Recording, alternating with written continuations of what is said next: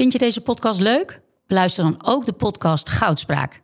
Ik ben Minkeboy. Als voormalig tophockeyster weet ik hoe Olympisch goud voelt. In de openhartige podcast Goudspraak praat ik met sporticonen die straks in Parijs voor het hoogste podium gaan. Over de weg naar goud.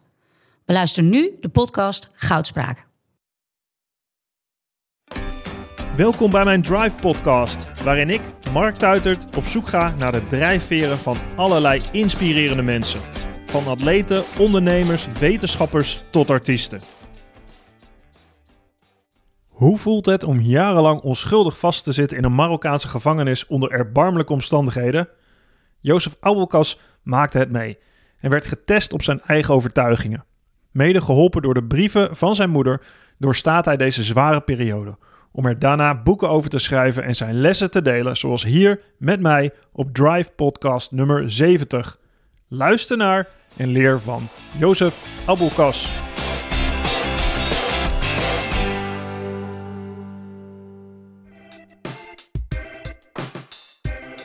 Deze aflevering wordt mede mogelijk gemaakt door Bamigo. Bamigo is kleding gemaakt van bamboe, bekend van tv en van die unieke pandakoppen.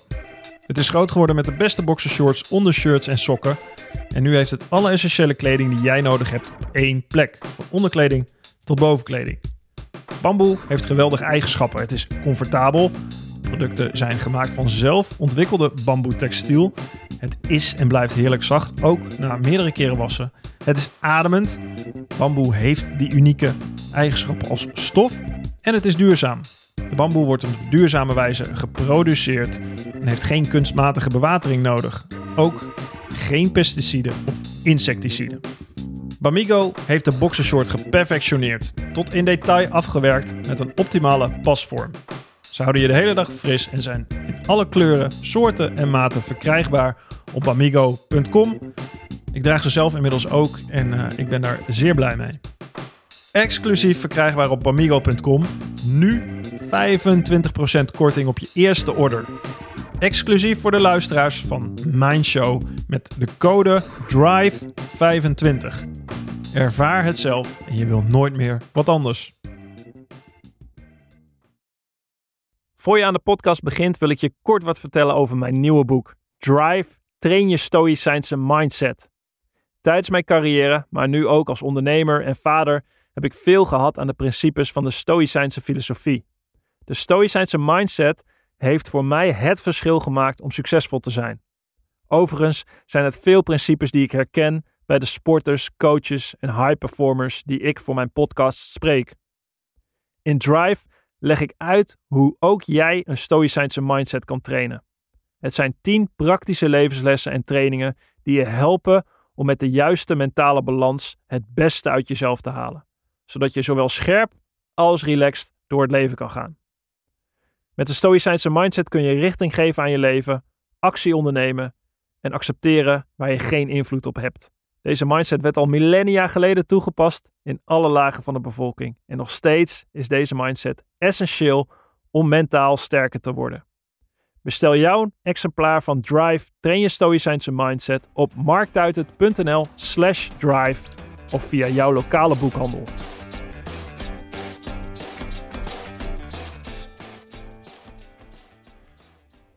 Jozef, um, in Maastricht in Maastricht. In Maastricht? Maastricht. Kom je uit Limburg van oorsprong? Nee, nee, helemaal niet. Mijn vrouw is van uh, Maastricht.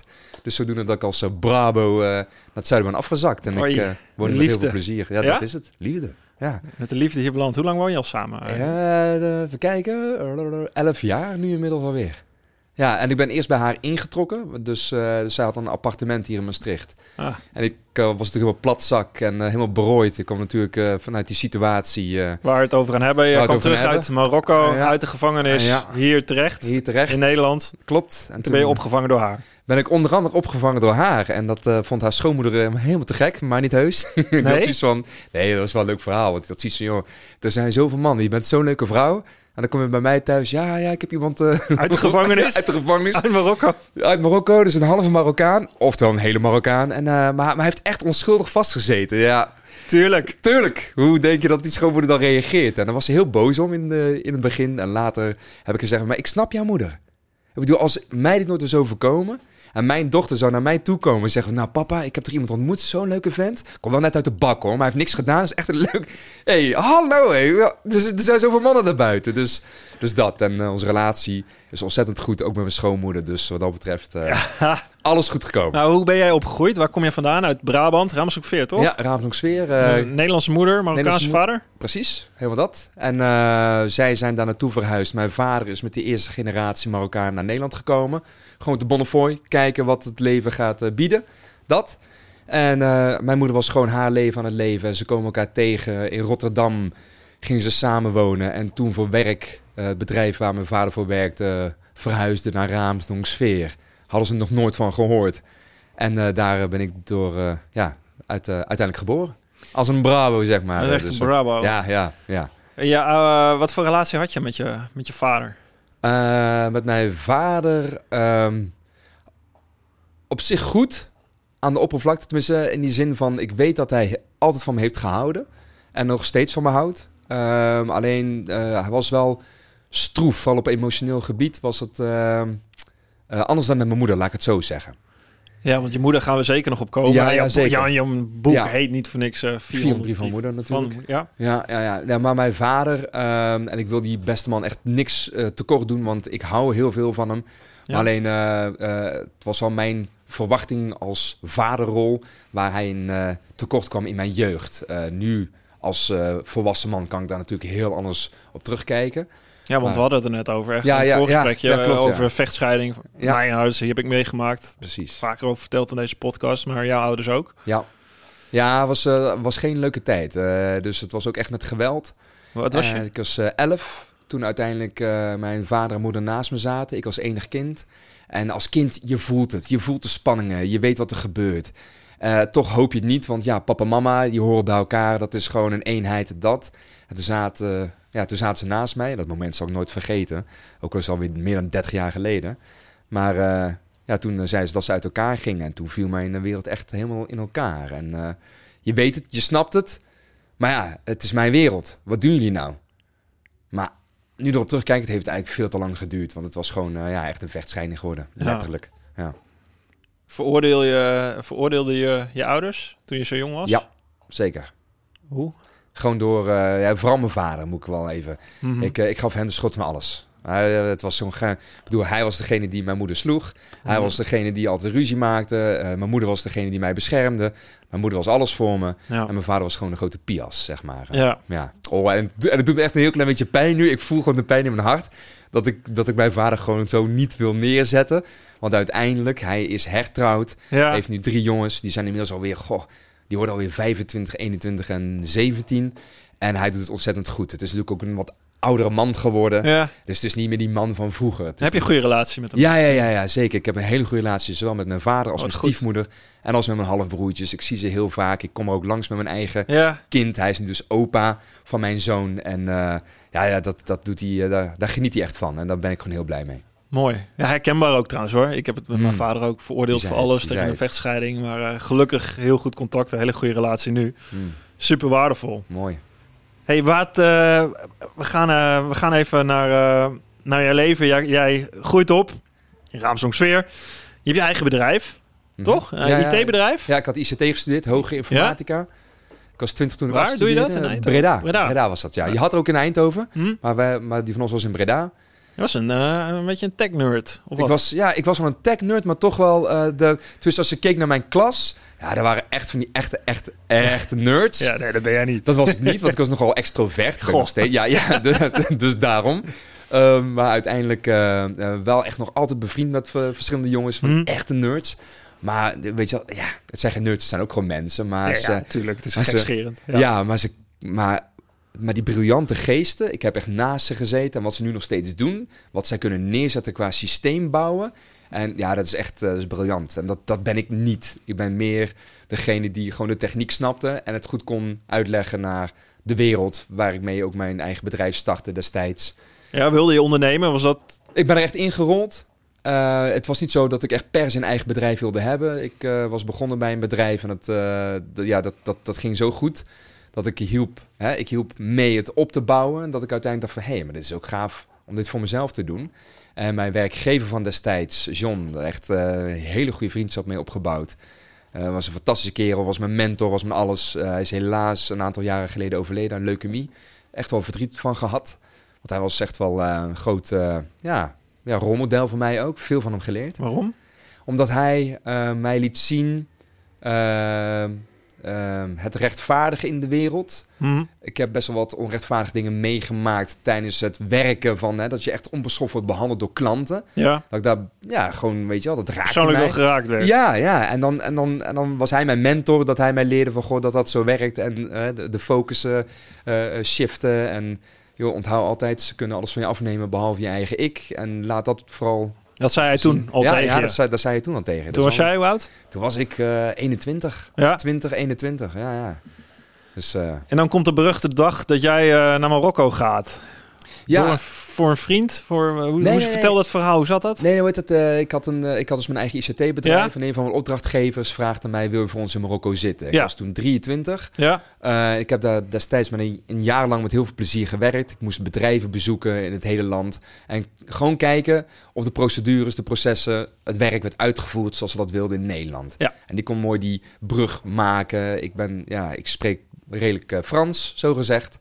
En dat is ook eh, de tweede taal van Marokko. En Ja. zodoende dat ik die eh, brug kon eh, leggen. En dat, ja, dat was te gek. Totdat dus die bewuste dag kwam na een jaar met heel veel plezier daar gewerkt te hebben, dat ik weer aankwam bij een van die bedrijven. En dus dat dat bedrijf was omsingeld door mannen in uniform en met shotguns en auto's met zwaailichten. Dat ik echt dacht van, joh, wat is hier aan de hand? En toen ben ik gaan vragen wat er aan de hand was. En dat was de eerste stap richting totale verandering van mijn hele leven. Want anders zou ik hier nou niet met jou zitten, Mark. nee. Vertel, wat? Jij, je- de, de, die, die boerderij of dat, dat project dat wordt omsingeld, politie. En jij denkt in, misschien in je naïviteit of, of gewoon, dat doe je misschien uit jezelf van, hè? Gek, wat, wat gebeurt hier? Nou, ik denk verantwoordelijkheid. ja, Ik bedoel, ik was immers het oog van het bedrijf. ja. Daarvoor was ik daar, daar naartoe Want uitgezonden. wat was dat? Wat, wat was, waar ging je precies naartoe? Ik ging naar een bedrijf toe waar zeg maar het product hè, en fruit, alles werd eh, verhandeld om uiteindelijk te verschepen naar Ja. de rest van de wereld. Hm. En, en alle processen hoe dat gaat, inclusief automatisering, inclusief controles, noem het maar op.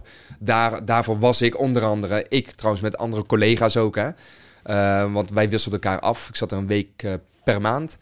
En, en zodoende dus ook daar toen in het noordoosten van Marokko, dat bedrijf, hè, dat is gewoon een hoge muur om dat bedrijf heen. Mhm. Die, hebben, die hebben gewoon verschillende ingangen. En die ingangen die waren dus geblokkeerd. En ik ga dus naar die ingang toe om te vragen wat er aan de hand was. Want ik wilde gaan rapporteren naar mijn opdrachtgever. Ja. Want ja, waarom, waarom zou ik inderdaad weggaan? Ja.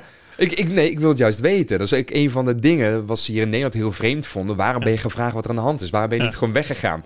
Ja. Ja. omdat ik het gewoon niet wist. Nee, dat is toch inderdaad vrij normaal dat je gaat vragen wat Ja, is. ja, dat. Nou, nou, dat. Dankjewel, Mark. Dus, Ja, gelijk heb je. ja, dus uiteindelijk... En het pakt eh, even iets anders uit voor, eh, voor ja, je. ja, Want ja. Wat, er, wat gebeurde? Er, er was, er er werd drugs gevonden daar. Ja, ja, ik werd meegenomen naar twee grote witte bussen op dat parkeerterrein. En werd mij gewoon verteld van, goh, hier gaat het allemaal om.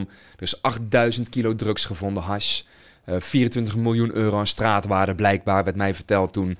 En ik zeg alleen nog maar, zo, dat is, eh is aardig wat, hè. Van, zo, oh. Zo. Ja, ja, en nu, wat gaat er nu gebeuren? Dat. Ja, Helemaal totaal de ernst niet inzien van de zaak. Nee. Word ik dus uiteindelijk wel meegenomen naar het bureau voor ondervraging, naar het politiebureau. En ik denk, ja, dat is prima. Hè? Dan kan ik meehelpen op alle vragen die mij worden gesteld. Ik geef antwoord dat. Dat was wel naïef, maar goed tegelijkertijd. Ik vond het ook spannend en ik wilde helpen. Waarom Ja. niet? En eh, het was eigenlijk allemaal oké, totdat eh, aan het einde van de dag de commandant van de politie naar me toe loopt met mijn paspoort in zijn handen. En die zegt van, goh meneer Oebelkas, u, eh, u moet toch even uw veters uitdoen en de broekriem. Want u moet hier blijven, omdat nogal verdacht vinden dat u zoveel stempels heeft in uw paspoort. Ja. Hè? Ja, dus ik zeg nog van, ja, dus? Ja, nee, we moeten toch even gaan eh, kijken. Dus eh, je moet hier toch blijven. Ik zeg, maar ik, ik, eh, ik kan helemaal niet blijven. Want de volgende ochtend dan vertrekt mijn vliegtuig. En al mijn collega's, ze zitten over de hele wereld voor dat bedrijf. Iedereen heeft veel stempels, boeien. Ja, nee, zegt hij, maar het komt allemaal goed. We moeten gewoon even wat uitzoeken. Dus ik moest wel naar die politiecel toe. En daar maakte ik de langste nacht van mijn leven mee. Want ja, eh, geen bed, geen dekens, geen, geen schone cel of zo. Hè. Dus echt gewoon een, een betonnen vloer, een vuilniszak in de, in de hoek van die cel, tralies van plafond aan de vloer. Een toilet wat, wat, wat, je, wat je echt rook van, eh, van, van 10 eh, kilometer ver. Het was echt, eh, echt ranzig. Maar ik denk van, ja, goed. Even een dagje hier blijven. Nou ja, en dan morgen... Want dat hebben we ook verteld, hè. Morgenochtend Ja, ja. kun je gewoon naar huis. Ja. Maar die vrijdag niet naar huis. En uiteindelijk zaterdag niet naar huis. Het was inmiddels eerste kerstdag. Zondag niet, tweede kerstdag. Ik had inmiddels dus al drie dagen niet gedoucht. Had je wel contact met mensen? Of Eh, nee, ook niet. Dus wat ik zat er dus in die cel. geen van- advocaat? Of... eh, helemaal niks nog. Oké. Dus ik had echt, ik zat daar en inmiddels was het dus drie dagen niet gedoucht, tanden niet gepoetst, altijd dezelfde kleren aan. Ik voelde me hongerig, vies, vernederd, dat. Ik blijf natuurlijk maar vragen, joh, wat, vertel me iets. Ja. En iedere keer zeggen ze, goh, het duurt wat langer, komt Ja. goed. Toen was het maandag, toen werd ik naar het tribunaal overgeplaatst. En eh, daar voor het eerst contact gehad met mijn advocaat. Want het was heel ongemakkelijk contact, want hij keek me niet eens aan. En ik dacht even, oké, wat is dit? Maar ja, om heel te zijn, boeien. Want er wordt mij verteld, ik mag eindelijk naar huis. Hè, mijn opdrachtgever had ook maar mijn ticket al omgeboekt Ja. na die maandag. Dus dit gaat goed komen. Ja. Ik op het tribunaal, voor de rechter, Ja. allemaal hoog Arabisch. Ik versta er niks van, boeit me niet, want ik ga naar huis. Dat. En dat gebeurde niet, want ik werd naar de gevangenis gestuurd. En daar werd mij verteld dat de zaak, en is als er een zaak blijkbaar drie weken was uitgesteld, inclusief oud en nieuw. Ja, ik had het niet meer. Ik bedoel, ik moest terug naar mijn, eh, naar mijn meisje, naar mijn vrienden, naar mijn familie, weet je al. Eh, Mijn kerst was al afgepakt. Ja. En toen eens oud en nieuw. Dus ja, dat was echt wel een flinke domper. Maar die tijd kroop voorbij, langzaam maar zeker. Word je niet heel boos of heel agressief? Ja, eh, ja, niet agressief, maar wel, ja, maar wel gewoon boos. Ja. Boos gewoon, wat, wat, wat gebeurt er allemaal? Ik Ja. moet terug naar huis. Ik, ik, ik heb plannen, ik heb dingen te doen. Eh, Weet je, wel. we hebben altijd dingen Leven, te ja, doen. tuurlijk. Ja, je weet je wel, dat. En eh, dus alles liep in het honderd. Maar dan zou het na die drie weken goed komen. Maar toen kwam het weer niet goed. En weer een uitstel en weer een uitstel. En toen vanuit het niets werd mij eh, zomaar verkondigd dat ik was eh, veroordeeld. En ik was veroordeeld tot eh, tien jaar celstraf. Fuck. Hmm. Tien jaar cel. Ja. Wat, wat dacht je toen, toen je dat Oh. hoorde? ja, ik beschrijf het nat- natuurlijk. Ik zeg ook op podium als ik spreek dat ik dan dat het een moment is waar ik gewoon niet meer naar terug ga. A, omdat ik het gewoon echt niet meer weet. In die zin van, het was zo intens, het was zo groot, het was zo onwerkelijk dat je hersenen het ook gewoon niet kunnen snappen. Dat het in mijn geval ook resulteerde in een soort van kortsluiting. En ik, en ik, en ik heb gehuild, geschreeuwd, geschopt, alles bij elkaar. Want dat is het gevoel van boosheid, opgekropt gevoel van al die weken en maanden naar dit moment toe. En al die boosheid, frustratie, machteloosheid, het gevoel van onrecht, waar we het net ook over Ja. hadden. Iedereen kent het gevoel van onrecht. Ja, Ja, dat was zo, verschrikkelijk. ja, dat was zo groot dat ik het gewoon niet meer had. En dat die weken eh, zo verdrietig... Ik zat zo... Ik was zo verzonken in mijn verdriet... dat ik ook echt niet meer weet wat ik, eh, wat ik heb gedaan, hoe ik heb geleefd. Gewoon helemaal niet. Gewoon, gewoon weg. Kwijt. Ja, kwijt. Echt kwijt. Ik weet het gewoon niet meer. Ik weet nog dat ik een klein, weerloos jongetje was. Ik was er in de armen van mijn moeder. Eh, in mijn gedachten. Ja. Ik was gewoon echt verloren. Ik was gewoon eh, op. Ik kon niet meer weg. Dat. Ja, dit is zo'n overload aan wat je kan handelen Dat. waarschijnlijk. Hè? Je leest, eh, er zijn zoveel verslagen ook van, van oorlogen, van mensen in Mm. gevangenschap of concentratiekampen die dan zo heftige dingen in één keer mee te maken dat, dat, ze, ah, dat, dat je je geest uitschakelt of zo. Dat je een Mhm. soort overlevingsmechanisme misschien wel is Mhm.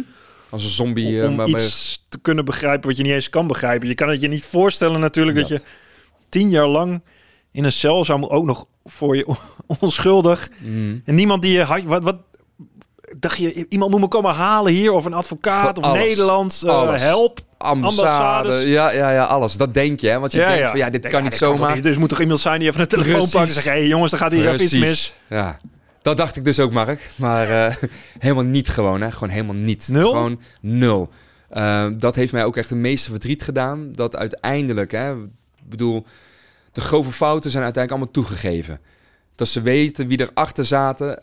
Alles wees erop, dit gaat goed komen. Hè. Hoger beroep, krijg je nieuwe rechter. Fouten worden toegegeven. De stempels in het paspoort klopte niet. Hè, althans, wat er in mijn vonnis stond. Hè. 22 stempels tegenover 17 stempels. Dat zou betekenen dat ik smokkelroutes had genomen. In mijn paspoort stonden er letterlijk 11 tegenover 10. Dat was wat het was. En dan zitten zij op te schrijven in Mhm. het vonnis dat het 22 tegenover 17 is. Hm. Hoe komen ze erop? Hm. Gewoon onzin. Dus ze hebben gewoon wat neergekalkt. Ze hadden naam, adres, telefoonnummer. Alles van de eigenaren van die twee bussen met die 8000 kilo drugs. Ga er achteraan. Ze hadden gewoon een zondebok nodig. Was, was het. eh, Nu weet ik, ehm, want wat ik krijg zo vaak te vragen, waarom jij? Zei, nou ja, goed, ik was wel echt een mooie kerst op de taart, waar ze een heel mooi verhaal van konden maken, letterlijk. Ehm, het gaat echt heel ver. Ik bedoel, het is natuurlijk een grote vracht Het gaat, eh, ja, dat, dat is gewoon, dat is gewoon maffia, zeg maar. Ja. Die weet hoe het systeem werkt. Blijkbaar zijn ze opgebeld, omdat ze dus naam, adres, telefoonnummer hadden. Die mensen weten waar ze mee bezig zijn, weten hoe, het- hoe het systeem werkt. Hebben hele diepe zakken, want als je een transportje kunt bekostigen van, van 24 miljoen euro... Ja. Die zeggen gewoon van, joh, wat kunnen wij betalen, zodat wij buiten beeld blijven? Letterlijk op het 8 uur journaal, diezelfde avond dat ik was opgepakt, was meegenomen naar het politiebureau, was het item op het 8 uur journaal, hè, dus het NOS-journaal van Marokko, landelijk nieuws. En er wordt gewoon letterlijk gezegd, en er is ook een Nederlander opgepakt, verantwoordelijk voor het hem. transport tussen Marokko en Nederland. Hey, ik geloof in het verhaal, Mark. Ik zeg van, nou, wie is de Nederlander dan? Nee, ja. Ja, en die politiemensen geen- kijken al naar mij. Ze zeggen, hey, hallo, maar dat klopt niet. Ik, huh? wat, wat, wat is dit nou weer? Ja, het is, ja, het is bizar. En waar kom je in terecht? Ja, je komt... eh, ja, het is de, ik zeg altijd de enige reden waarom ik een PowerPoint-presentatie laat zien op het podium. Want voor die foto. die foto's. Eh, om te laten zien hoe die gevangenissen in Marokko eruit zien. En voor de mensen die nu luisteren, je, Ja. je, je kan gewoon googlen. En google gewoon op afbeeldingen. En Wat dan zie je dan? Grafisch? Marokko. Dan zie je grafisch mensen echt tegen elkaar aan, supervol. Ehm ja, als sardine in een blik. Hè, dus je moet je voorstellen dat je soms maar op 30 centimeter op je zij lag. Lag ik ook. Met links van je hoofd een paar voeten. gast. Rechts van, van je hoofd een paar voeten. Boven je hoofd bij je eigen... Het is echt vol. Je kunt je gewoon niet voorstellen. En als je het dan ook ziet... Ja. En dat is ook het eerste wat ik dacht toen ik daar werd tussen gesmeten. Ik dacht alleen maar, ja, maar, maar hier kan ik helemaal niet tussen leven. Dit, dit, dit kan ik niet overleven. Al die mensen die daar helemaal gewoon door elkaar heen liggen. Armen, benen over elkaar heen. De ratten, de kakkerlakken, de, de smerigheid, de, de, de geur daar. Dat is echt eh, ja, haast onbeschrijfelijk. Hoe lag je daar dan die eerste nacht? Eh, ik lag daar die, die eerste nacht. Ik heb geen oog dicht gedaan, wederom. Want ik lag daar echt met links van mijn hoofd een paar voeten, rechts van mijn hoofd een paar voeten. Ik werd iedere keer wakker geschopt. En ik zat echt in het donker te, te staren. Ik voelde nog de tranen over mijn ogen lopen. En die eerste nacht was ik mezelf alleen maar moed aan het inpraten. Dit komt snel weer goed. Maar ik snap niet waar ik in ben beland en waarom mij dit nu moet overkomen. Net nu ik zo in zo'n heerlijke flow in mijn leven zit. Alles ging maar voor de wind. Ja. Jong, eigen bedrijf. Alles ging Hatsa. Alles ging goed. En hoe, hoe lang duurde dat? Hoe, ging dat? hoe lang duurde dat voordat je ergens aan kon wennen? Voordat je een soort, misschien wel een soort modus vond waarvan je dacht, oké, dit kan wel eens langer gaan duren. Ik moet hier ergens Ja, je hebt nog altijd de hoop. zitten. Ja, je hebt nog altijd de hoop dat het goed komt, hè? Je Mhm. weet, de- hoop, nee, het, het stond vast. Ik had niet eens de hoop, ik had de overtuiging. Ik- Maar had je er ook een datum aan? Nou, heet van je hoofd? nou, hoe dat, er werd, er er werd je wel verteld, er komt een uitstel over drie weken. En dan, dan, dan heb je dat in je hoofd. Nou, over drie weken word ik opgeroepen op het tribunaal en dan, dan zal het goed komen. En dan komt wel weer een uitstel en weer een uitstel. En op een gegeven moment, nou, dit moet de laatste uitstel zijn. En dan komt de uitspraak en dan mag ik naar huis. Dat. Maar dat gebeurde dus niet. En omdat die overtuiging zo groot was, ook omdat iedereen dus wist, hè, wat ik net ook zei, Ja. de Nederlandse overheid gaat zich zelfs mee bemoeien. Want die zeiden ook van, joh, maar waar zijn de bewijzen? Waarom zit die jongen daar tien jaar lang, eh, terwijl, er, terwijl, terwijl we helemaal niks lezen? En dat hun eigen vertrouwensadvocaat, hè, die moest onafhankelijk naar die, ja, naar die feiten kijken. Maar die zegt ook letterlijk, joh, haal die jongens zo snel mogelijk weg. Hij verdient niet eens een parkeerboete, joh. Ja. Haal hem weg daar. Ja. Maar dat uiteindelijk het dus toch niet goed kwam. Dat ze wel alle fouten hebben toegegeven. Hè, ook die tweede rechter. Maar uiteindelijk hebben ze gewoon die tien jaar laten staan. Het interesseert ze gewoon helemaal niks. Want blijkbaar kunnen ze gewoon maken. Dat ze zeggen, Mark, of in mijn geval Jozef... eh, wij vinden toch dat jij schuldig bent. Al ziet de hele wereld dat jij het niet bent. Sterk nog, de hele wereld ziet wie het Mhm. wel is. Toch zeggen wij, wij sluiten jou op. Moet, het moet toch in je schoenen Oh, zijn op een gegeven moment? Ik, eh, ja, ik ben er doorheen geweest hoor. Ik, Nederlandse ambassade. De Nederlandse ambassade zei. Ik zie ze zo nog voor me zitten. Mevrouw Kousenbroek en mevrouw Dassen. Het waren lieve dames, niks ten nadele van hen, want ze waren er voor me op hun manier. Maar ik zeg letterlijk tegen ze, net na die tweede keer tien jaar celstraf. Hoe kan dit nou? En dat ze nog zeiden, letterlijk van, joh, we weten dat je hier niet hoort te zitten, maar we mogen ons eenmaal niet mengen in de rechtsgang van het buitenland. Want het is een soevereine staat tussen haakjes, dat hè. En dat is het dan. Ik zeg maar, ja, ja, ik kan er niet bij. Echt. Dus daar eh, hield het eigenlijk op. daar hield, hield gewoon op. Eigenlijk kreeg je te horen, ja, ja, we weten dat het allemaal onrecht is. We kunnen er niks aan doen. Ja, ja. Succes eh, de komende zoveel jaar. Ik heb eh, op een Topsport Community diner gesproken van Pieter van de. Hogeband ja, was ik bij. Ja, Toen was Jan-Peter Balkenner daar ook nog. Daar ja. heb ik nog even mee gesproken. Die kwam nog naar me toe en die vond het een heel indrukwekkend verhaal wat ik had te vertellen. Ja, dat heb je. Je hebt een heel mooi verhaal. Dankjewel. Dat breng je ook echt fantastisch. Thanks. Ehm, Maar ik zeg het nog tegen Jan-Peter van, joh, dankjewel. Hè, dus dankjewel. Maar alleen eh, als ik jouw zoontje was geweest, want toen was hij nog minister-president, dan had ik daar geen seconde gezeten. En toen zei hij nog, ja, daar ben ik niet zo zeker van. Ja, maar ik wel. Want dan was ik jouw zoon geweest. En helemaal in landen als Marokko, hè, want het gebeurt niet alleen in Marokko, hè, het gebeurt in de hele wereld. Hè. Laten we Ja. dan vooral Marokko niet zwart maken, want ik hou nog altijd van het land. Mhm. De mensen, cultuur, de bergen, de stad van mijn vader Marrakesh, het zit in mijn hart. Het systeem, dat is, ja, weet je wel... Vertiefd, ja, ja, ja, ja, maar dat is nogmaals in heel veel landen. Hè. Ga Ja. naar Thailand, ga naar Mexico, joh, Zuid-Amerika, joh, en ga zo maar door. Eh, dus wees op je hoede, zeg ik altijd. Maar eh, ik zei ook echt tegen Jan-Peter, van, dan, dan had je alles op alles gezet... met jouw diplomatieke functie... om jouw zoon eruit te halen. Ja. Dan was het niet van, oh ja, nee, ja, nee. Nee, ja, tuurlijk. Dan had, je, dan had je me niet aan de telefoon gezegd van... joh, zoon, ik mag me even niet mengen in de rechtszaak van het buitenland. eh. Succes. nou, je hebt even aan een paar touwtjes getrokken. ja, Tuurlijk. natuurlijk. En Ja. dat heeft mij zoveel verdriet gedaan. Kijk, ik kom maar uit een, uit een, uit een boeren, Dat je voor je gevoel niemand was. Gewoon Ja, totaal ja, ja, dat- onbelangrijk. Ja, echt gewoon hele dikke vinger, joh. Jammer, joh. Dat. Dat heeft echt... Ja, ik ben er doorheen geweest, hoor. was dat, hoe zou, op een gegeven moment ben je op een punt gekomen waarvan je dacht, dat kan ik me heel erg voorstellen, dat je dacht van oké, fuck, het, dit gaat niet goed komen. Ik moet gewoon een manier vinden om Mhm. hier dus blijkbaar tien jaar te overleven. Mhm. Ja, dat was echt net na die tweede keer tien jaar celstraf. Ik had weer de overtuiging, hè. het was echt dezel- hetzelfde scenario. Weer de overtuiging en nu ga ik naar huis. Ik ga terug naar mijn leven. Naar mijn vriendin, naar mijn vrienden, naar mijn familie, naar mijn bedrijf. Eindelijk. Ik ga nu echt terug. Want dit is zo overduidelijk. Iedereen ziet het. Nederland staat achter mij. Dit, Ja. dit, dit kan gewoon niet anders. Dit kan gewoon niet anders. Er is gewoon geen andere oplossing. Is gewoon geen andere uitkomst. Dat, hè. 100% die hoop teruggekeerd. En toen kwam dat niet. En dat heeft echt iets met mij gedaan. Want ik eh, voelde weer natuurlijk die wervelwind van emoties. En de boosheid, frustratie, machteloosheid, onrecht. Wederom nogmaals. En op een of andere manier, ik was het ravijn van verdriet al ingevallen. En dit was zo belachelijk, zo bespottelijk voor woorden. Dat het blijkbaar zomaar kan. Dat ik er haast quasi-stoïcijns om kon lachen. Dit is zo absurdistisch. Dus, nou dat. Dat ik echt, dat ik niet eens een traan meer om kon laten. Ik voelde de emotie, maar ik kan, ik kan niet eens huilen hierom. Dit is te belachelijk. Je bent gewoon eh, door het lot in zo'n absurde speelfilm beland dat je, Ja. dat je je rol maar moet gaan spelen. Nou, dat, dat. En toen had ik echt zoiets van, toen was ik echt vastberaden. Weet je wat, zullen mij hier kapot maken? Gaat niet gebeuren. Ik zal naar huis gaan. Ze kunnen alles van me afnemen. Wat John Polling mij heeft geleerd. Behalve mijn eigen ik. instelling. Ja, eigen instelling. Behalve mijn eigen ik. Gaat gewoon niet gebeuren. Ja, eh, James Stockdale was Amerikaanse vliegenier. Die belandde als eerste, een van de eerste in eh, Hilton, eh, Hanoi Hilton in Oh, Vietnam. Was geïnspireerd door de Stoïcijnen, met name Epictetus, Mhm. Stoïcijnse leraar die slaaf was, die ook de lessen leerde van zijn meester weer. Je innerlijke instelling, Ja. dat is de echte vrijheid die je hebt. zeker. En dat heb je te verkiezen. Niet of je slaaf bent van iemand anders, maar Dat is het. dat is de vrijheid die je zelf hebt. En die inspireerde weer die James Stockdale, die, die piloot. En die heeft zeven jaar lang moeten overleven in de gevangenis in, in, in. Vietnam. Ook in de isoleercel, heel grote delen. En hij zei ja, de eerste, de eerste mensen die hier in de gevangenis komen... die blijven hoop houden om snel terug te keren. Mhm.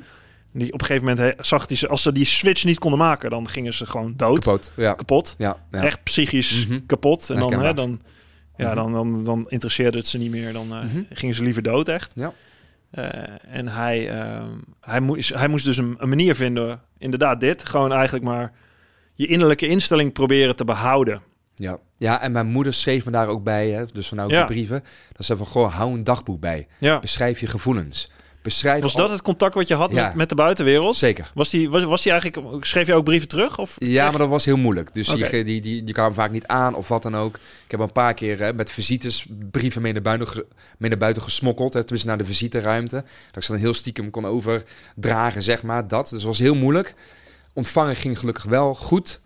Ehm, Wat schreef je moeder? ja, maar naast natuurlijk heel veel liefkozende woorden. Want ik ben me er zo van bewust dat ik zo'n moeder heb. Want ook dat, net als alles, hè, niks is vanzelfsprekend. Maar alleen ik heb gelukkig zo'n moeder. En eh, dat kan niet iedereen zeggen. En daarom dat ik haar ook heb vereeuwigd in de titel van mijn boek. Want zij was er en ik moest het ook leren zien. En dat mijn moeder me naast die liefkozende woorden schreef. Hè, ehm, hou een dagboek bij. Beschrijf heel, heel bewust wat je ervaart en voelt en ziet.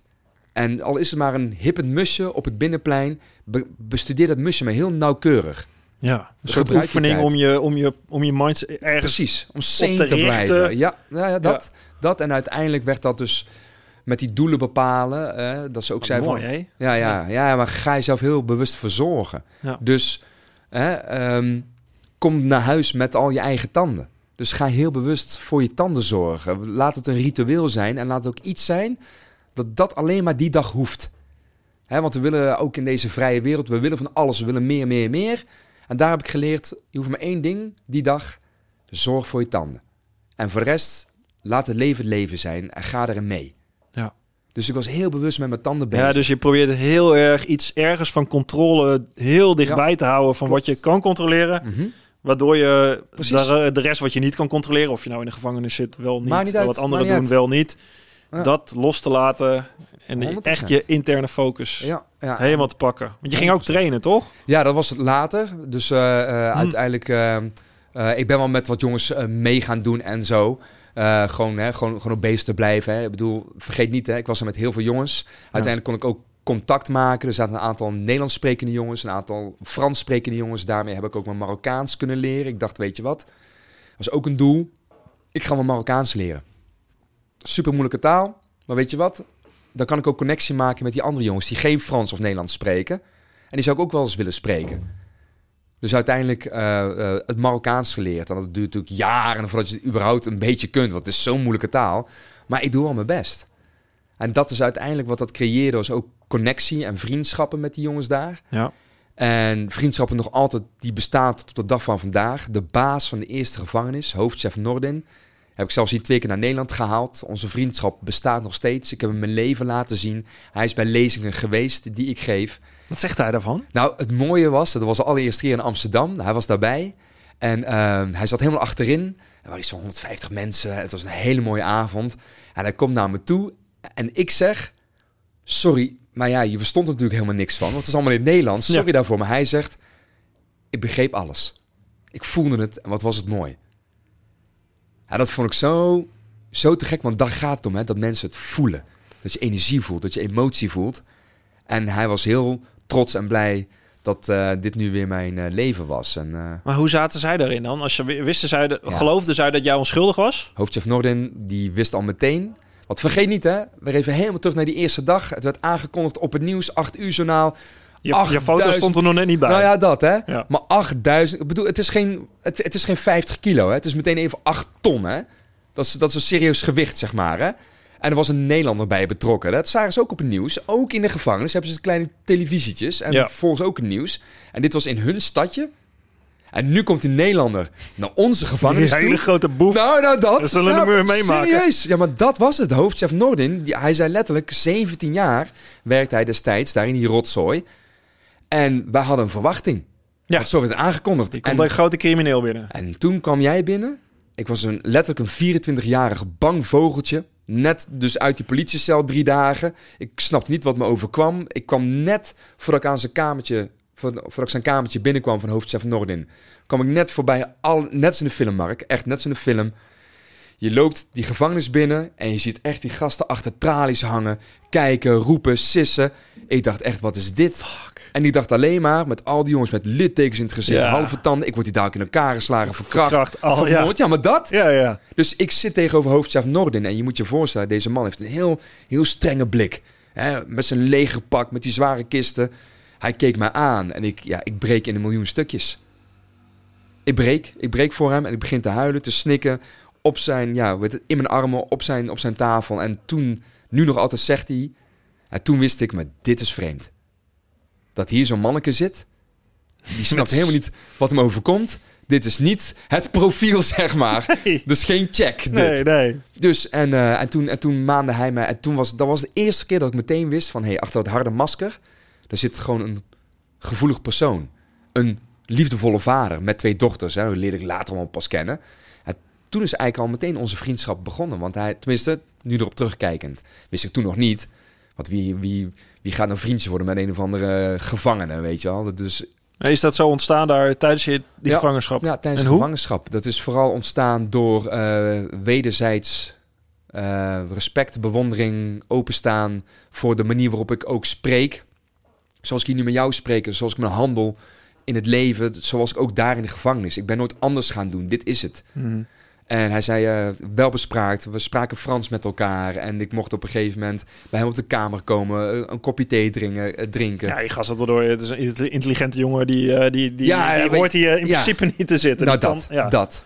Dat. En het is niet om mezelf nou zeg maar omhoog Nee, nee. op de hemel. Of nou, wat ben ik een fantastische jongen. Nee, het was gewoon... Ja. Dus, dus dit zorgde ervoor uiteindelijk dat ook hij en bewaarders en die jongens daar... Ja, dat, dat ik het daar ook echt goed kon overleven. Want eh, we hebben niks aangedaan of wat dan ook. Maar hoe doe je dat? Eh, want dit vind ik persoonlijk. Hè, we hebben het al- jij over je vader. Ik heb het ook met mijn vader gehad. Dat, dat heb ik ook heel erg moeten leren om niet te oordelen, eerder te begrijpen.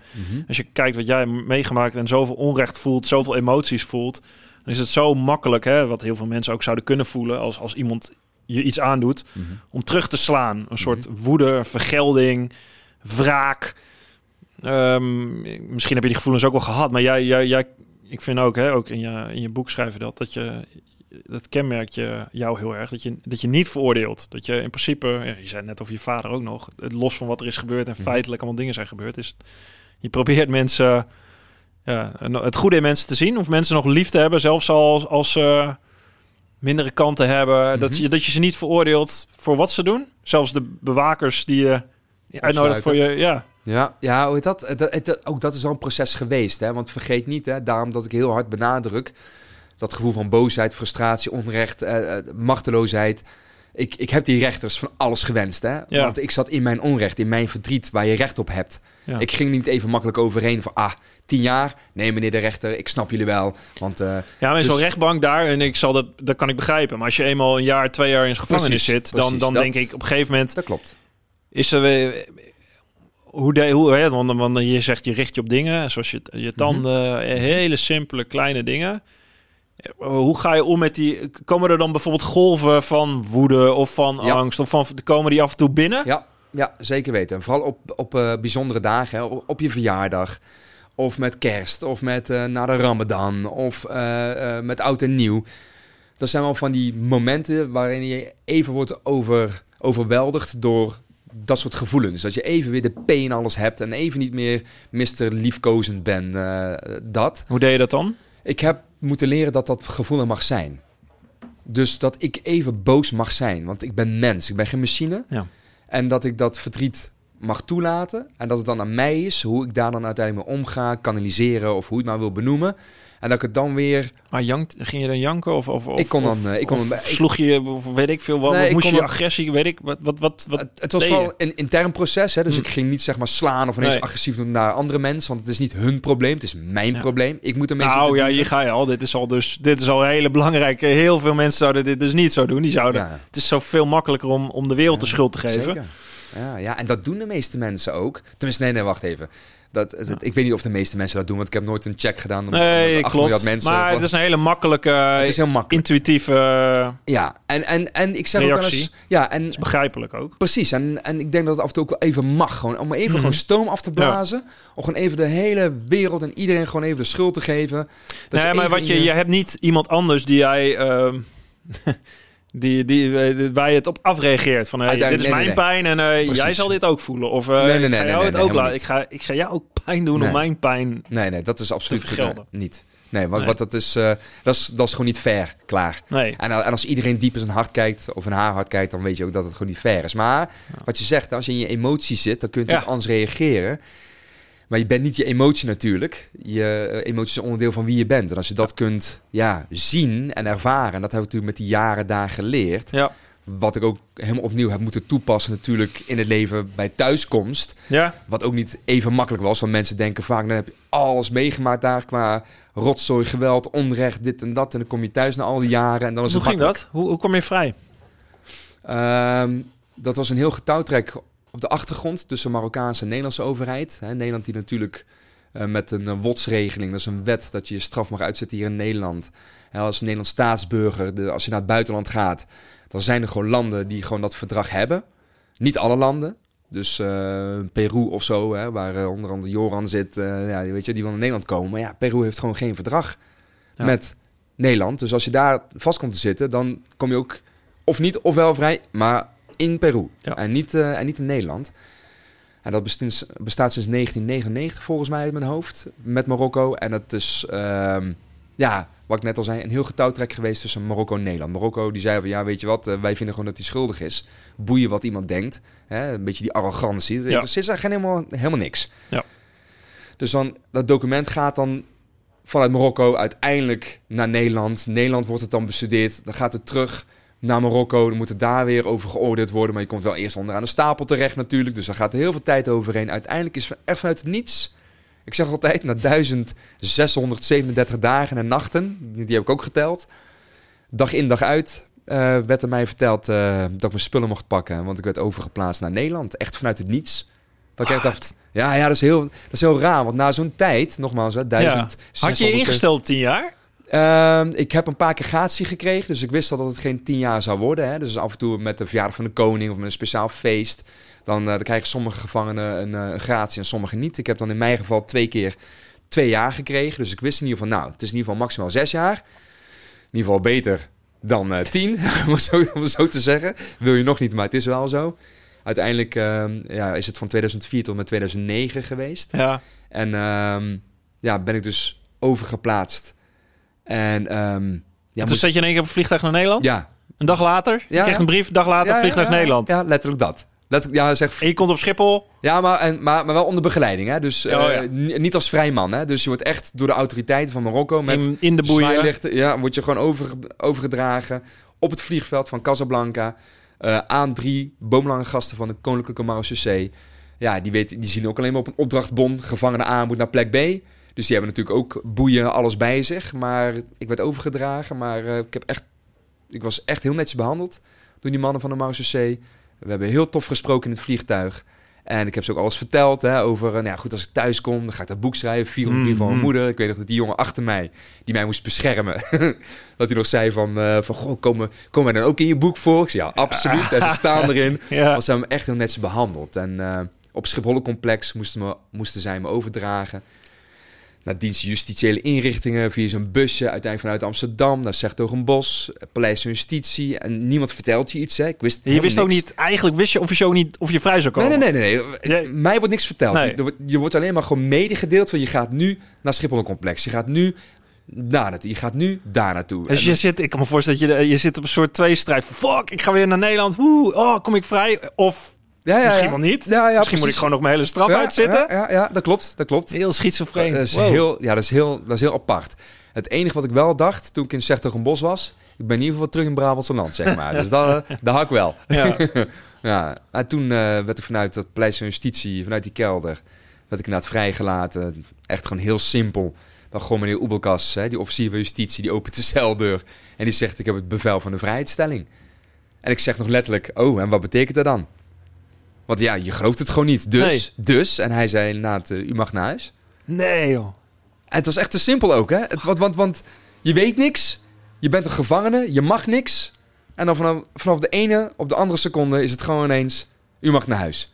Dan krijg je het even... Oh, dus ik mag nu gewoon gaan. Je staat echt, gewoon net echt als in een film zo. Je loopt de poort uit en Dat je staat het. daar op straat en Ja, en dat is het.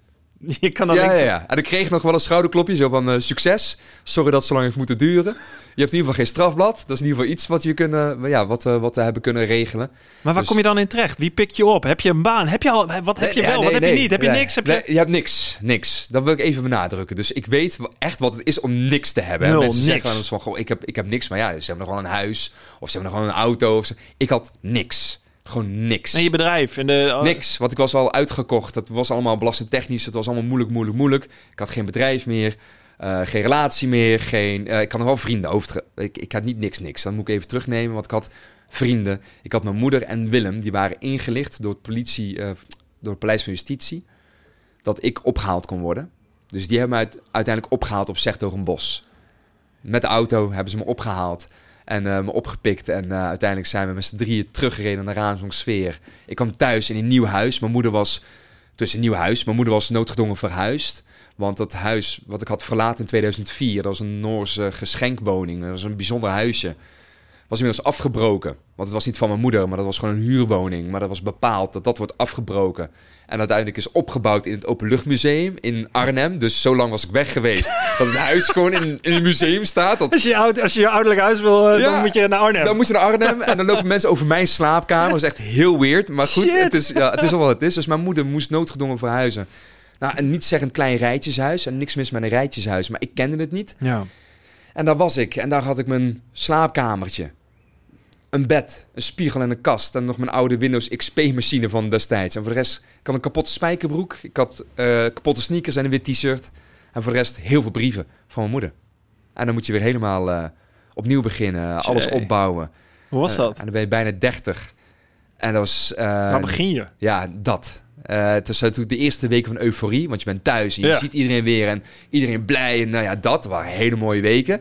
Drinken, Ja, feesten, alles, vieren, alles, muziek. alles. Eh, weet je dat? Ja. Ja. echt alles erop en eraan. Want je bent weer thuis. Je, Tuurlijk. je hebt het gevoel om alles in te halen. Dat Mhm. herkennen me sommige mensen misschien ook al met hè, de pandemie wat we allemaal hebben meegemaakt. En de lockdown. Ineens mogen we weer. We gaan massaal op reis en stappen. eh, En we doen nog gekker dan voorheen. Ja. Heel- Ja, nee, heel ja, de ja, precies. Alles wordt anders nu. Ja, nou, eh, ja, de wereld is weer los en eh, Schiphol staat vol en alles is weer eh, terug bij het oude. Juist, dat klopt. Ja. Maar goed, ook dat... Ik, Ja, het is heel menselijk. Dat is het, dat is het. Dus ik oordeel ook daar niet meer over.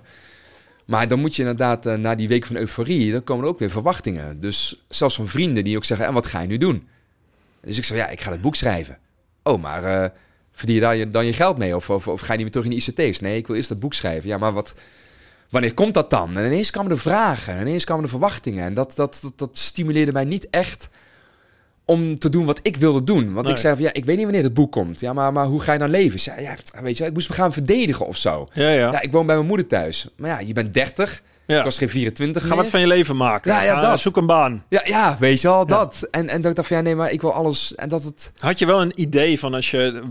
Wat was jouw idee toen je uit... Wat dacht je? Ik, mo- ik moet iets met deze lessen? Wat, Nee, had ik je een duidelijke visie? Met die brieven. Ja, de duidelijke visie. En dat was al in de gevangenis ontstaan. Ik had zelfs al een werktitel eh, eh, in, een, in, een, in een kladblad opgeschreven in mijn dagboek van... Goh, het, de titel gaat worden 500 brieven van mijn moeder. Want ja, ik wist helemaal niet hoe lang ik nog zou zitten. Hoe lang... Hoe Het zijn er lang... 400 geworden. Het zijn er Ja. gelukkig maar Gelukkig. 400 geworden. Ehm, en, en ja, en uiteindelijk eh, was dat echt mijn, Waarom? mijn doel. Omdat, ik, eh, omdat die brieven naar mij schreeuwden van doe iets met ons. Eh, niet bundelen, want dat, weet je, ik ga, ik ga geen brieven bundelen, maar ik, die, die stukken tekst verweven in mijn verhaal. Omdat die brieven te mooi waren om daar maar in een hoekje in mijn slaapkamer te laten liggen. Dat was echt zo'n roepingsgevoel, zeg maar. Maar dat betekent niet dat je dan zo overtuigd bent, omdat de buitenwereld er niet op zit te wachten. Ja. Ik was toch die ex-gevangene of ex-crimineel. En ik werd uitgescholden af en toe. via via eh, kut Marokkaan en flikker op naar je eigen land. En iedereen zegt dat hij onschuldig is. Was er weggerot in die cel. En je kreeg aanmaningen binnen. Mannen van de Belastingdienst staan voor de deur, want ik had achterstanden. Ik kreeg brieven. Ja, dat zijn niet echt dingen die stimuleren om jou, Nee. zeg maar, Nee. weer gelukkig te maken. Ja. Maar is dat- dan de boodschap die in die brieven zit? De liefde, de, de opofferings... eh, Of de, of de Onder moed, andere de. Ja, onder de andere. lessen? Ja, ik, ik, ik had echt bijna het plan losgelaten. Omdat, eh, wat, wat inmiddels was ik een jaar thuis. Ik zat er wel midden in het schrijfproces, maar ik had nog geen rode rotcent. Helemaal niks. De verwachtingen waren nog groter geworden. Wanneer komt het boek dan? En eh, je bent nu al een jaar thuis en dit en dat en zo en zo. Had je al een uitgever bijvoorbeeld? Nee, nog helemaal niet. Oké, nee, was ik gewoon echt zelf helemaal gewoon in de Windows dat. XP 95 misschien ja, wel. ja, 95. dat hem net niet, maar XP, ja, ja, dat. Ik was echt helemaal in mijn schrijfproces. En ehm, ja, in, in die periode dus ook mijn, eh, mijn huidige lief tegengekomen... die mij echt gewoon steunde in alles. Eh beltegoed voor me heeft gekocht. Eh, ik heb van Willem mijn eerste telefoon gekregen. Dus ik had gelukkig heel veel vrienden om me heen... die me echt steunden. Gewoon minimaal, want ik wilde ook niet op hun, op hun zak leven, zeg maar. Want dat vind ik ook Ja. niet fair. Maar dit willen ze graag doen vanuit vriendschap. Weet je, wij doen het graag voor je, want wij geloven in jou. En als jij een doel hebt, dan, dan weten we dat dat goed gaat komen. En dat is ook wat mijn moeder tegen mij zei. Want ik had echt een dip een jaar na thuiskomst. Dat van mam moet ik dit allemaal loslaten. Moet, ik- moet, moet ik dan weer terug in de ICT, omdat ik rekening moet betalen en noem het Hmm. maar op. Want ik wist het echt even niet meer. En toen zei mijn moeder, ja, dat zijn woorden die zal ik nooit vergeten. Toen zei het kind, het gaat niet om wat zij willen, het gaat om wat jij wilt. Juist. Ja, maar hier herkennen heel veel mensen zich in Ja. de kern wel ergens in. Ik ook. Als je met schaatsen het stopt ook. Je bent je doel kwijt, je is missie kwijt, je dat. richting kwijt. Je moet alles eh, opnieuw gaan ondervinden. Je hebt natuurlijk inderdaad de mensen om je heen die je steunen. Dat is super mooi. Maar je moet het echt zelf gaan doen. Je 100%. moet echt, 100%. en daarin geloven. Dat aan, 100%. daaraan vasthouden. Dus zelfs dat mijn moeder letterlijk een van haar brieven schreef toen ik daar nog zat. Ze zei, kind, we weten allemaal dat je niet hoort, maar je zit er wel. Ja. Dus nu is het aan jou. Je moet het wel zelf doen. Ja, ze coachte jou als het Ja, ware. hè? Echt van, Ja, je ja. moet het, je, het is aan jou. Dit is jouw test Klopt, in klopt. het leven. Ja, klopt. Mooi. Ja, sterk hoor. Sinds ik zelf ook vader ben, eh, realiseer ik me des te meer hoe, hoe het voor mijn moeder moest zijn geweest. Van, goh, het is eigenlijk best wel moedig om dat soort woorden te schrijven. En niet mee te gaan in slachtofferschap Precies. ook. Ik denk oh, dat kind. dat heel veel gebeurt. Ook, eh, En hoe... Ik, het kan ook heel begrijpelijk zijn natuurlijk. Mensen die Ja, heel zeker, zwaar lot dragen. Ja, en, en, maar toch, je hebt uiteindelijk... Ja, En Ja. dat kan je niet altijd alleen. Het is heel mooi inderdaad Mhm. wat je ook zegt. Hè. Het is heel fijn dat je mensen, helemaal dan in het geval van je moeder, je, om je heen hebt die jou er zen in kunnen houden en, en je Mhm. erin kunnen coachen. Maar daar ligt uiteindelijk wel de kern natuurlijk. Niet jezelf als slachtoffer presenteren, maar uiteindelijk. aan jou Ja. de, de, de, de worsteling en de strijd aan te gaan. Hoe heeft het jou veranderd? Wat, wat, hoe kwam jij, al- als je nu naar jezelf kijkt, zeg maar. Hè, de, de- ja, ik denk niet dat je gaat zeggen, het is mooi dat ik dit heb meegemaakt. Dat is natuurlijk allemaal verschrikkelijk. Oh, maar- nou, nu ga je woorden in mijn mond leggen, Nee. Mark. Eh, misschien, misschien zeg ik dat wel. Ja, misschien wel. Ik zou je eerlijk bekennen, ik kan zelfs vandaag de dag die rechters, Ja, die mij tien jaar zelfs hebben gegeven, en misschien gaat het ooit gebeuren, want hoofdchef Nordin, die kent die eerste rechter, ja, die is inmiddels met pensioen. ja. Het zou zomaar kunnen dat ik wellicht weer eens een keer terug ga naar Marokko en dat we een lunch gaan organiseren. Dat die rechter, die ex-rechter, van niks weet. Ik ga ook niet aanvallen. Het enige wat ik ga doen, is gewoon hem uithoren. Gewoon doen alsof ik hem niet ken. Zeg van, goh, maar wat is eigenlijk uw verhaal? Wie bent u eigenlijk? Ja. ja, ik ben rechter geweest en misschien komt wel een verhaal naar boven. Van, goh, het was niet altijd even makkelijk. Want ik werd soms ook onder druk gezet door eh, mafiosi. En dan moest ik mensen veroordelen. Want anders zouden ze achter mij en mijn gezin aankomen. En daar heb ik heel veel spijt van gehad. Ja. En dat is zomaar een plausibele theorie, hè? Mhm. Dat, dat, houdt, dat houdt mezelf dan maar wijs, maar waarom ook niet? Want daarmee kan ik verder. En ik zou niet eens tegen die rechter zeggen... ja, weet je wat je mij hebt aangedaan? Nee, ik zou alleen maar zeggen... goh, dat snap ik. Ik had waarschijnlijk hetzelfde gedaan om mijn gezin te beschermen. Klopt. Ja, dat is heel knap. Door niet te voordelen. Maar dan Dat- nog, is het... Ik, hoe kijk je daarna? Is het, is het voor jezelf dan iets... ja, ik... Waar je aan- aan terugkijkt van ja, het heeft ook geen. Je kan er ook niet anders naar Dat terugkijken dan dat te zeggen het. van ik wilde het wel of niet mee. Ja, is nee, gemaakt. maar dat is je het, hebt hè? het meegemaakt. Dat Dit is het, is maar- wat het is. Ah, maar dat geldt ook voor iedereen, hè? Dat geldt voor jou, Juist. met jouw ervaring. Dat geldt voor alle luisteraars. Dat geldt voor iedereen die op straat loopt hier. Iedereen. Ja, dat Dus- zeggen dus- de filosofen ook mooi. Hè? De oude Grieken al. Als je Mhm. wenst dat het anders zou zijn, dan kom je in een, een sprookwereld terecht. In een droomwereld die je dan veridealiseert. Mhm. Het gaat erom inderdaad de realiteit onder ogen te zien. En, en te beseffen dat er niks anders is Dit dan is die realiteit. is. Dit is wat het is. En dan is het aan jou Ja. wat jij ermee doet. Hoe jij ernaar kijkt. En dat betekent niet dat je dan maar van de een op de, een op de andere dag... maar het moet vergoelijken. Nee. Nee, het is bij mij ook een heel proces geweest. Ook een heel proces dat ik de rechter kan begrijpen. Ja, maar als je, hoe langer je wenst dat het anders zou zijn, Ja. hoe meer je jezelf in de weg zit Zeker. om de volgende stap te zetten en er doorheen te komen. Ja, het is ook mooi wat je zegt. Je zit jezelf in de weg. En dat is uiteindelijk wat ik ook tegen zoveel mensen zeg. Als ze ehm, een oplossing van me eh, eh, eh, verwachten, dan schrijf ik het op papier van: Goh, het ligt bij jezelf. En dan zien ze dat en dan zijn ze helemaal niet blij met dat antwoord. Maar dat is wel het antwoord. Maar je hoeft het nu niet te zien. Ja. Want als je midden in je verdriet zit, hè, je hebt recht op jouw verdriet. Toen ik net die tien jaar celstraf kreeg. Ja. En iemand zou een dag later naar mij toekomen op visite. En die zou tegen mij zeggen: Goh, Jozef, komt goed man. Want je gaat maar de helft zitten van die tien jaar. En dan, eh, en dan over vijf jaar kom je thuis. En dan, eh, dan ga je boeken schrijven. En eh dan worden bestsellers. Je gaat dan, presenteren, en je gaat kan ervan leven, je je, hebt een gezin, tegen, ja, je mag een je. podcast Mark Tuit het opnemen. Ja, precies. Summum. Komt goed. Hey, ik had je eentje verkocht, want ik zat in mijn verdriet. Zeg, ik moet nu naar huis. Ik moet nu terug naar mijn leven. Ja, nee, tuurlijk. Wat Ja. zeg jij nou maar de helft? Ga eens weg. Dus, en dat heb ik ook moeten leren. Dat als mensen, als ik ook bijvoorbeeld spreek, dat niet iedereen open staat voor mijn verhaal. Omdat ze nog zo in hun eigen verdriet zitten. Dat dit te veel is. Dat ze soms opstaan, weglopen. En dat ik vroeger dacht dat het aan mij lag. Maar het ligt niet aan mij. Maar wat zouden die mensen denken? Van ja, of ja, oh, dat is Te confronterend. makkelijk voor... ja, nee, ik denk te confronterend. Hm. Want, want, want, want ik, ik, eh, ik ga liefdevol de confrontatie aan dat het bij jou ligt. Ja. En niet bij een onderwijscommissie, niet Ja. bij een board, niet bij eh, een recessie, niet bij een oorlog, niet bij een... Ja, En, en, en ik wil daar niet te makkelijk over praten, want ik snap denk ik. Ja. Wat het eh, leven ook eh, kan eh, bieden op een niet zo leuke Nee, manier. ja, ik kan me er heel erg in vinden. Ik vind die nuance heel belangrijk en heel Ja. mooi. Zonder dat je eraan afdoet dat iets heel moeilijk of zwaar kan zijn. En dat het een lot is wat Precies. echt niet makkelijk is om te dragen. Waar je niet zomaar met twee of drie, drie trucjes of lessen even overheen nee, stapt. Bullshit. Maar het is wel iets wat je uiteindelijk, waar, je, waar je zelf mee aan de slag moet. en waar je naartoe kunt. Ja. En dat is uiteindelijk de focus. Hè? Hoe ik ook daar in die gevangenis zat. Ik wist uiteindelijk, ik kom een keer thuis. En dan zal ik thuiskomen met wie ik ben. Ja. Die houding, dat, die focus, weet je, dat, dat is bij mij. Ja, je interne houding. Hoe jij 100%. ergens in het leven staat. Hoe je ermee omgaat. Daardoor kon ik met een glimlach tussen die vier muren van 15 meter hoog... met prikkeldraad en draad en, eh en tralies rondlopen. Maar daar ligt je echte vrijheid. 100 procent. Toch? Als ik daar nu op terug... Ik zie mezelf een derde persoon daar rondlopen. En dacht van ja, maar die, die, die gast die snapte het. Ja. En dan moest ik dus weer helemaal opnieuw toepassen. Dit is wat Epictetus ook zou zeggen. Daar ligt je echte vrijheid. We denken eh, dat de 100%. wereld bestaat uit vrijheid. Dat we alles mogen en kunnen.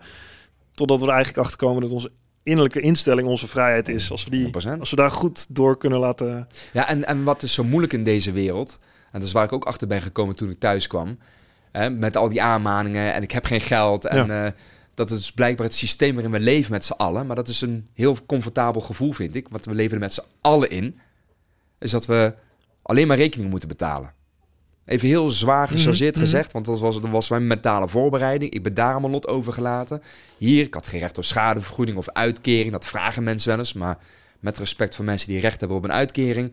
Ik hoefde het ook niet. Ik was vastberaden. Ik bouw het allemaal weer zelf op. Ja. Zoals ik het ook daar heb gedaan.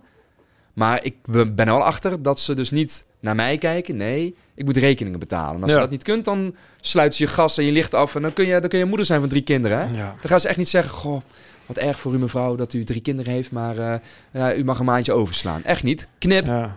ja, het is best wel een cynische les over hoe de wereld werkt. hè. maar als je daar dus op, Uiteindelijk de menselijke maat. ja, maar als je daar dus op, op bent voorbereid, dat is Ja. het mooie juist. Ja, Dus ik ben erop voorbereid. Aha, het systeem is erop gericht om rekening te betalen. Denk niet aan mij. Dan Ja. zal het mij niet meer verrassen. Dus nee, je moet de manier is- gewoon zorgen om de rekeningen te betalen. Heb je geen last? Ja. Ja, dat sowieso. Ja. En, en als het dan een keer niet zo is, wat ook in mijn geval was, ik kon niet betalen, ik blijf die aanmaningen krijgen. Ja. Ja, dat bij mij toen wel een, eh, een lichtje ging branden van, hé, hey, weet je wel, ik heb niks. Letterlijk niks. Ik heb niet eens een huis, dus ze kunnen ook niks van me afpakken. Hey, ja, ze zeggen wel eens, de, de beste wat je kan overkomen is niet dat je de helft van je vermogen of, of bezittingen verliest, maar alles. Als je de helft verliest, dan heb je nog een soort angst om die andere helft ook te verliezen, ja, waardoor je bijna niet, niets meer durft. Verkrampt. Ja, verkrampt. Je wordt verkrampt, terwijl als je alles verliest, Ja, ik ja. weet niet of het echt waar is, hè? misschien, eh, maar als je alles verliest, ja, jij kan het Ik wel het zeggen, wel. dan heb je, Ja. dan heb je, dan, dan, ja, je hebt ook, dan heb je niks meer te verliezen. Dan zit je bottom. Ik ben er fysiek geweest, helemaal afgebroken, waar het op het bord gewoon, gewoon fysiek nergens meer heen kunnen. Dat je denkt, oké, nou veel slechter dan dit Mhm. gaat het niet worden. Ik kan alleen maar weer gaan groeien en, en, en omhoog. En dat is best Ja. wel... En de angst, die hè, zoveel mensen worden gegrepen door de angst om te verliezen, Ja. dat die eh, zoveel groter is dan het daadwerkelijk ervaren. Van het verlies. Ja. Ja. ja. ja. Ja, dat is eigenlijk de definitie van angst. Hè. We als we ons laten leiden door angst, dan heeft het altijd iets te maken met in de toekomst waar we bang voor zijn. Dat is het. Terwijl als het echt gebeurt, nou ja, je kan het. Ja, maar en, en dan komt mijn vraag altijd: waarom doe je wat je doet? Ja. Wat is, wat is hè, eh, als ik het aan jou vraag, Mark, waarom, waarom doe je deze podcast? Waarom, waarom spreek jij? Waarom, Ja. behalve om rekening te betalen, Ja. eh, Nee, po- dit- Deze podcast maak ik gewoon omdat ik eh, heel. Ik, ik word gedreven door interesse in andere mensen, in gedrevenheid, in, in ambitie. En, en aan de andere kant is het voor mij een hele zoektocht in het leven door te En leren. wat, levert, en wat levert jou dat op? gaan. En wat levert jou dat op? Uh, super mooie gesprekken. Uh, een zaal vol mensen die ik mag raken. Vind Mhm. ik fantastisch. Een bedrijf wat ik mag runnen met, met hele toffe mensen. Diepe connectie met andere mensen. En van betekenis zijn. Ja, en als je dat nog helemaal doortrekt, want ik weet, je bent ook een papa. Ja, nou ja, van betekenis zijn is het uiteindelijk natuurlijk... De diepe connectie, die begint voor mij met, met je gezin. Die begint met je kinderen. Met de lessen die je wilt overgeven aan hun. En hoe meer jij, denk ik, is het dat intrinsiek ook. Hoe meer je zelf van het leven leert en van jezelf. Hoe, hoe, dat is echt wat mij, hoe meer ik van mezelf leer, hoe betere vader ik kan zijn. Nou. Als ik alles wat ik, Dat mijn pijn, mijn eigen verdriet, Ja. Mhm. mijn eigen gevangenis, zeg maar. Als ik die eh, de boventoon laat voeren, dan word ik geen leukere vader. Sterker nog, ik ga allemaal dingen op mijn kinderen leggen Mhm, mhm. die niet van hun zijn. Precies. Wel van mij. En als ik daarmee leer dealen, Eh, wordt het, voor mij wordt het leven echt lichter. Ik Nou. heb echt een, een principe in mijn boek is als je minder oordeelt, begrijp je meer. Dat is voor mij echt, dat is letterlijk, Ruben, een supermooie visual heeft hij gemaakt. Dat is letterlijk een gewicht wat je in je handen houdt. Als je beide armen uitgestrekt Mhm. eh, houdt met een gewicht eraan. Als je dat kan laten zakken, wordt het leven veel lichter, veel Zeker. fijner. Je kan oordelen loslaten, je kan meer begrijpen. Je leert meer over jezelf, over de wereld. En daardoor word je, denk ik, een leuker mens. Een betere vriend, waardoor je betere dingen gaat begrijpen. En absoluut een betere Nou, dat is waarom vader. jij doet wat jij dus doet. Ja. En dat hoop ik ook voor de luisteraars, voor de mensen. Waarom doe je wat je doet? Want daar wil ik altijd naartoe. Ja. En als jij vader bent, en dat betekent niet dat als je geen vader of moeder bent, dat je dan geen doel hebt. Maar alleen, ik ervaar nu, ook sinds ik, hè, mijn kleine is nu 2,5, Ja. eh, ervaar ik nog een veel diepere betekenis. Voor mij persoonlijk, hè, een laadje van onvoorwaardelijke liefde, die je Ja. ook op een andere manier kunt ervaren hoor. Ik bedoel, dit is voor mij persoonlijk. Dat, dit, dit is waarom ik dit doe. Want dan, kan ik, dan ben ik een gelukkige papa. Wist je dat al een paar jaar geleden, voordat je vader was nee, ook? Nee, nee, nee. Toen, toen, toen had ik nog andere motivatie erin. Toen, toen deed ik het echt omdat ik het gewoon leuk vond. En, dat, eh, en, en omdat ik mijn moeder kan steunen en mijn vader kan steunen. Hè, dus de, die wereld Nou, ik heb wat, jij hebt het ook wel eens over. Jij, eh, eh, af en toe, wij spreken veel voor, voor Zaling, maar volgens mij vind je, je vindt het ook mooi om je lessen, om die liefde, om die lessen te delen. En dat doe je echt, dat voel je ook echt diep van binnen. Dat, dat merk je. 100%. Ja, dus ik, ik, ik ervaar het echt. En Ja. ik voelen mensen. Daarom... En dat wil ik ook blijven voelen. Want Ja. ik wil geen eh, verhaal afdraaien. van, nou, nee, jongens, eh, net zo. Ja, ja, ja, ja, tuurlijk. Dat dat ja, ja, precies. Want, want dat is een soort van roeping die je voelt. ja. Hè, daarom nogmaals, hè, waarom doe je wat je doet? Want je voelt het als roeping. Daardoor voel je op een of andere manier vrij. Je bent van betekenis. Ja. Je kunt mooie dingen doen. Je wordt een nog mooier mens. Een nog completer mens. Eh, mooier, dat weet ik niet, want dat geldt niet voor iedereen. Maar je wordt een completer mens. Ja. En daarmee kun je dus zijn in jouw geval, en in mijn geval, als nog betere papa. Want mijn shit is niet zijn shit. Juist. Amen. Ja, Ja. Dus ruim je shit. Of, ruim je eigen shit op. of, of, of, of, of maak er mest van. En dan, en dan eh, kunnen er bloemetjes dan het groeien, op het land. Ja, ja, ja. Nee, het is toch eigenlijk inderdaad dat je. Het is ook de relatie waar, jij waar we mee begonnen eigenlijk met, met jouw vader. Ik heb Mhm. het ook met mijn vader. Als je dat oordeel los kan laten en als Dat. je daar, daar meer vrijer door kan leven, dat ga jij hopelijk. Hè? En of het over 30, 40 jaar is. Als onze kinderen Ja, ja. ouder zijn, of dat allemaal werkelijkheid, het moet gaan we allemaal nog, dat gaan we zien. ja, dat moeten we nog allemaal maar bewijzen. Het moet ook Dus- geen verwachting zijn. Dat is, Absoluut je- het, niet. Het is een hoop. Je, je doet er je best voor. En het is dan mooi als je er heel bewust mee bezig bent. Denk ik ook. Maar het, is, maar het is ook hun proces van die kinderen. En we kunnen er alleen maar zijn. En wat ik er even aan wil toevoegen is... Mm. ehm, als ik op terugkijk, hè, een van de dankbare gevoelens die ik nu ervaar... Tuurlijk, het had nooit mogen gebeuren, maar het is toch gebeurd. Dus hè, komen we weer terug op, nou ja, Ja. dan is het aan mij wat ik ermee doe. Ik spreek Marokkaans-Arabisch. Ik versta mijn vader nu pas. Mijn vader die vroeger altijd Marokkaans sprak als we naar Marokko gingen. En dat ik heel gefascineerd en tegelijkertijd een stukje jaloezie voelde van... oh, hij zegt van die vreemde woorden en hij zegt het zo natuurlijk. Helemaal niet zoals mijn vader ken, hè. Hakkelend, hè, spreekt slecht Nederlands. Waarom kan hij niet op zo'n mooie natuurlijke manier met mij praten? Wat nu dus wel kan. En ik snap mijn vader nu. Nu pas Begrijp je hem daardoor begrijp ik hem daardoor beter. En hoor ik verhalen aan. En dan heb ik nu pas eigenlijk door van ja, mijn vader is ook maar een mens. En blijkbaar kan hij zich ook het beste uiten in zijn, zijn eigen moedertaal. moedertaal. Tuurlijk. En is wat jij van je vader mee hebt gekregen niet het hele beeld van Precies. je vader. Omdat het eigenlijk het onvermogen is van hem om de taal te spreken waar jij in op bent gevoed. Dus ja, dus dat zijn allemaal van die facetten. Dat ik op terugkijk en denk van ja, weet je wel, het is echt zo meer dan oké. want het, eh, het ik, eh, ja. En daardoor, ja, wat ik al Nou, zeg. Ja, het leven heeft zoveel facetten. We kunnen er nog uren over Ja, joh, Prachtig, makkelijk, makkelijk, ja, Jozef. makkelijk, Dankjewel. Ja, ja, graag gedaan, man.